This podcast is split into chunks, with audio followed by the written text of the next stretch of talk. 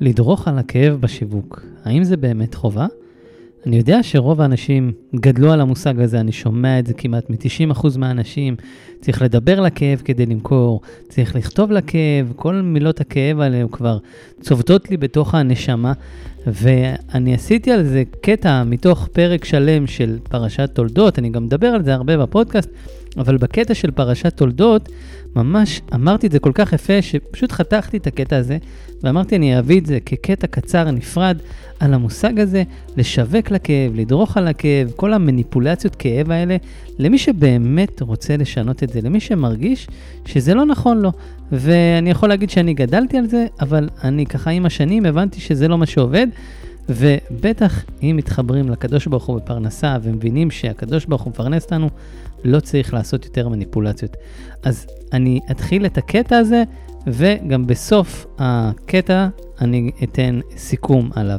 אז בואו ונשמע מה חמש דקות של איך להתנהג אחרת בשיווק ולשווק אחרת ממקום שעושה לנו הרבה הרבה יותר נעים, וגם ללקוחות שעוקבים אחרינו וללקוחות שגם מחליטים לקחת את השירות שלנו. ואני יכול להגיד לכם שאני התחלתי דרכי בשיווק ב-2015, ואני חונכתי, ולא רק אני, אני עוד שומע את זה, וזה כל מילה שנייה, מה שנקרא שיווק מכאיב. לדבר לכאב, לדרוך על הכאב, כדי לתפוס את תשומת הלב, כדי ליצור קשב ולייצר מכירה, צריך להכאיב. אין מה לעשות, ככה אנשים מקשיבים. וזה לא נכון. וברגע זה, רק, אני רק אומר את המילה כאב, יש לי קיבוץ בבטן. ועד היום אני כל הזמן שומע את המונח לדרוך על הכאב, לדבר לכאב כדי להניע את הלקוח, ואני מתכווץ, מתחלחל.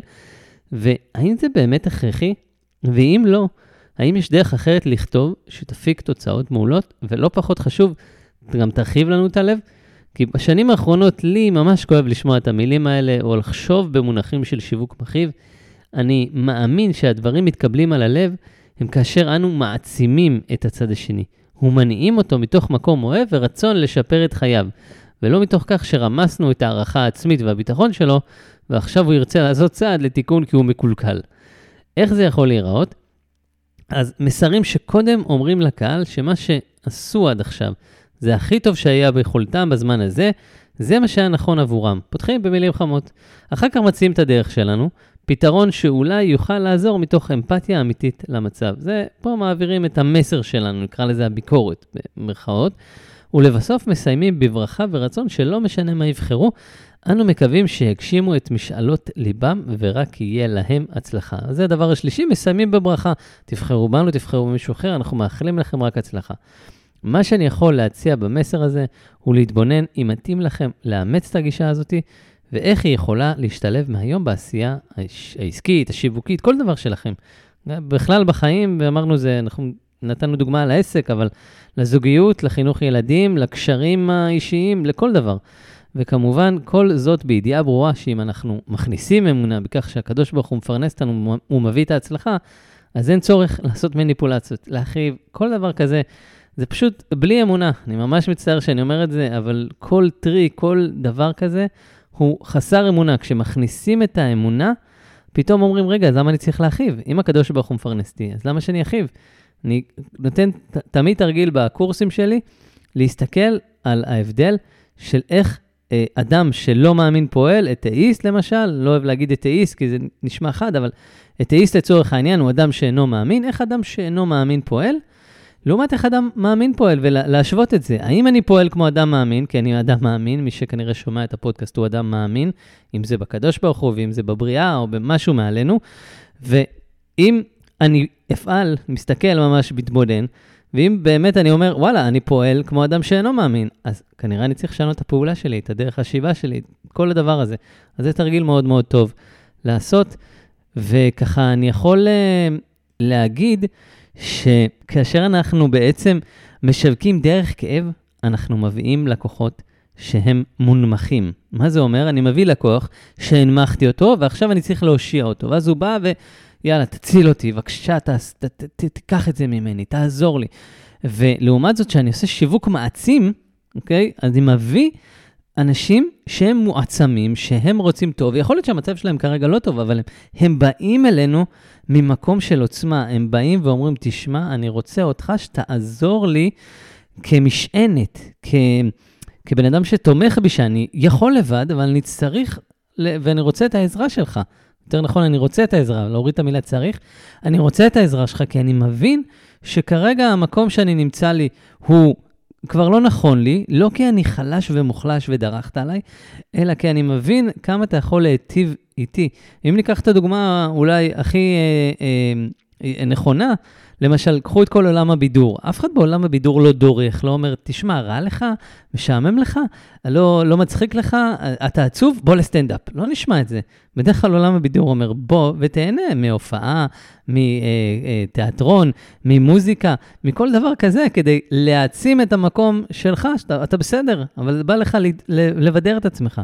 אז גם בשירותים שלנו, שהם, יכול להיות אם זה בתחום העסקי ובתחום הרגשי ובכל תחום ובתחום הטיפ, הטיפול והרפואה, אז גם אם לקוח מגיע במצב שהוא לא טוב, נקרא לזה, חולה או מרגיש רגשית שזה לא מצב נכון, או העסק לא במצב הכי uh, מצליח, אז גם עם זה, הוא עדיין אפשר להביא אותו ממקום של עוצמה, ממקום של אנחנו רוצים את ההנאה שבדבר, ואני יודע שזה סותר את מה שכולם אומרים, שבעצם 70% מהאנשים מונעים מכאב ולא מעונג, אז בסדר, שילכו ה-70% האלה, ויגיעו ה-30% שמגיעים מעונג. הכל בסדר, הקדוש ברוך הוא מפרנס אותנו, כשזוכרים את זה, מתנהגים אחרת, פועלים אחרת, חושבים אחרת ומרגישים אחרת.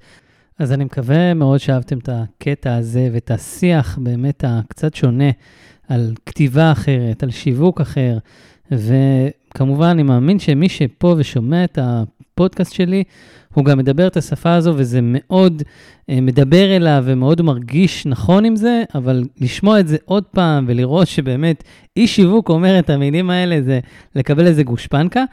אז רשמתי כמה דברים כסיכום מתוך מה שאמרתי, אה, ככה שעוד יותר התיישב על הלב, והלכתי גם לפוסטים שלי שדיברתי על זה. אני תמיד אוהב לקחת דברים שכבר עשיתי, כי הם, אם הם היו טובים, אז אין בעיה למחזר ועוד יותר לחזק את המסר, ובאחד מהם היה, רשמתי ככה, זה משפט שהרבה אמרו לי, ציטוט כזה מאוד יפה, אם לא תציף ללקוח את הכאב במסר שלך, זה לא יעבוד. אז אנחנו יודעים כמה המשפט הזה לא נכון וכמה אנחנו רוצים לעשות שיווק ממקום אחר. וכמו שאמרתי, לי בשנים האחרונות מאוד קשה לשמוע את המילים לדבר לכאב. רק המחשבה על המושג הזה של שיווק מכאיב ואני מתחלחל. אני מאמין שדברים מתקבלים על הלב כאשר אנחנו מעצימים את הצד השני ומניעים אותו מתוך מקום אוהב ורצון לשפר את חייו, ולא מתוך כך שרמסנו את ההערכה העצמית שלו, ועכשיו הוא ירצה לעשות צעד לתיקון כי הוא מקולקל. כאשר אנחנו באמונה וידיעה שהקדוש ברוך הוא זה שמפרנס אותנו, אז אין צורך לעשות מניפולציות. ובפן הגשמי, כאשר אנחנו משווקים לכאב, אנחנו מביאים לקוחות שהם מונמכים. כלומר שהם במצב הכי נמוך שלהם, ואני זה שתולים בו את התקווה להושיע אותם. לעומת זאת, כאשר אני עושה שיווק מעצים, אני מביא לקוחות שהם בתודעה גבוהה, הם באים ממקום של עוצמה, והם מחפשים עזרה ולא תלות. הם אומרים, אני יכול לבד, אבל אני רוצה את העזרה שלך, שלך, וכמו שאמרתי, ודוגמת עולם הבידור, שזה כל כך נפוץ, שמשווקים לפן של ההנאה. כאשר יודעים שהקדוש ברוך הוא מפרנס אותנו, חושבים אחרת, פועלים אחרת ומתנהגים אחרת. והנה משהו שרשמתי לפני כמה שנים, אני לא צריך להזכיר ללקוח את הבעיות שלו כשמדברים על, על הכאב. הם הולכים איתו יום-יום במחשבות. העודף משקל, המינוס בבנק, מציאת זוגיות שאין, חודשים של אבטלה. אפשר להתחיל ממקום של תשוקה, הנאה ורצון.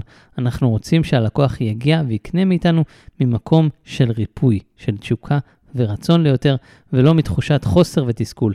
אז בואו נהיה כנים, נהיה אותנטיים, באמת, לא אותנטיות שבאה למכור, נביא את עצמנו ונראה את הלקוח מול העיניים. בואו נספר לו על התועלת שלנו לחיים שלו ואיך אנחנו יכולים לעזור לו, ואז יצאו לנו מסרים מעולים ואמינים, וגם לא נראה כמו איזה עוד מודעה שרצה ברשת. אז בבקשה, אני אומר את זה לעצמי ואני גם אומר לכם, בואו ונפסיק עם הכאב הזה, ונבוא בגישה יותר אוהבת, עוזרת, מכילה וכנה, ותאמינו לי, אנחנו גם נראה יותר פניות מכך.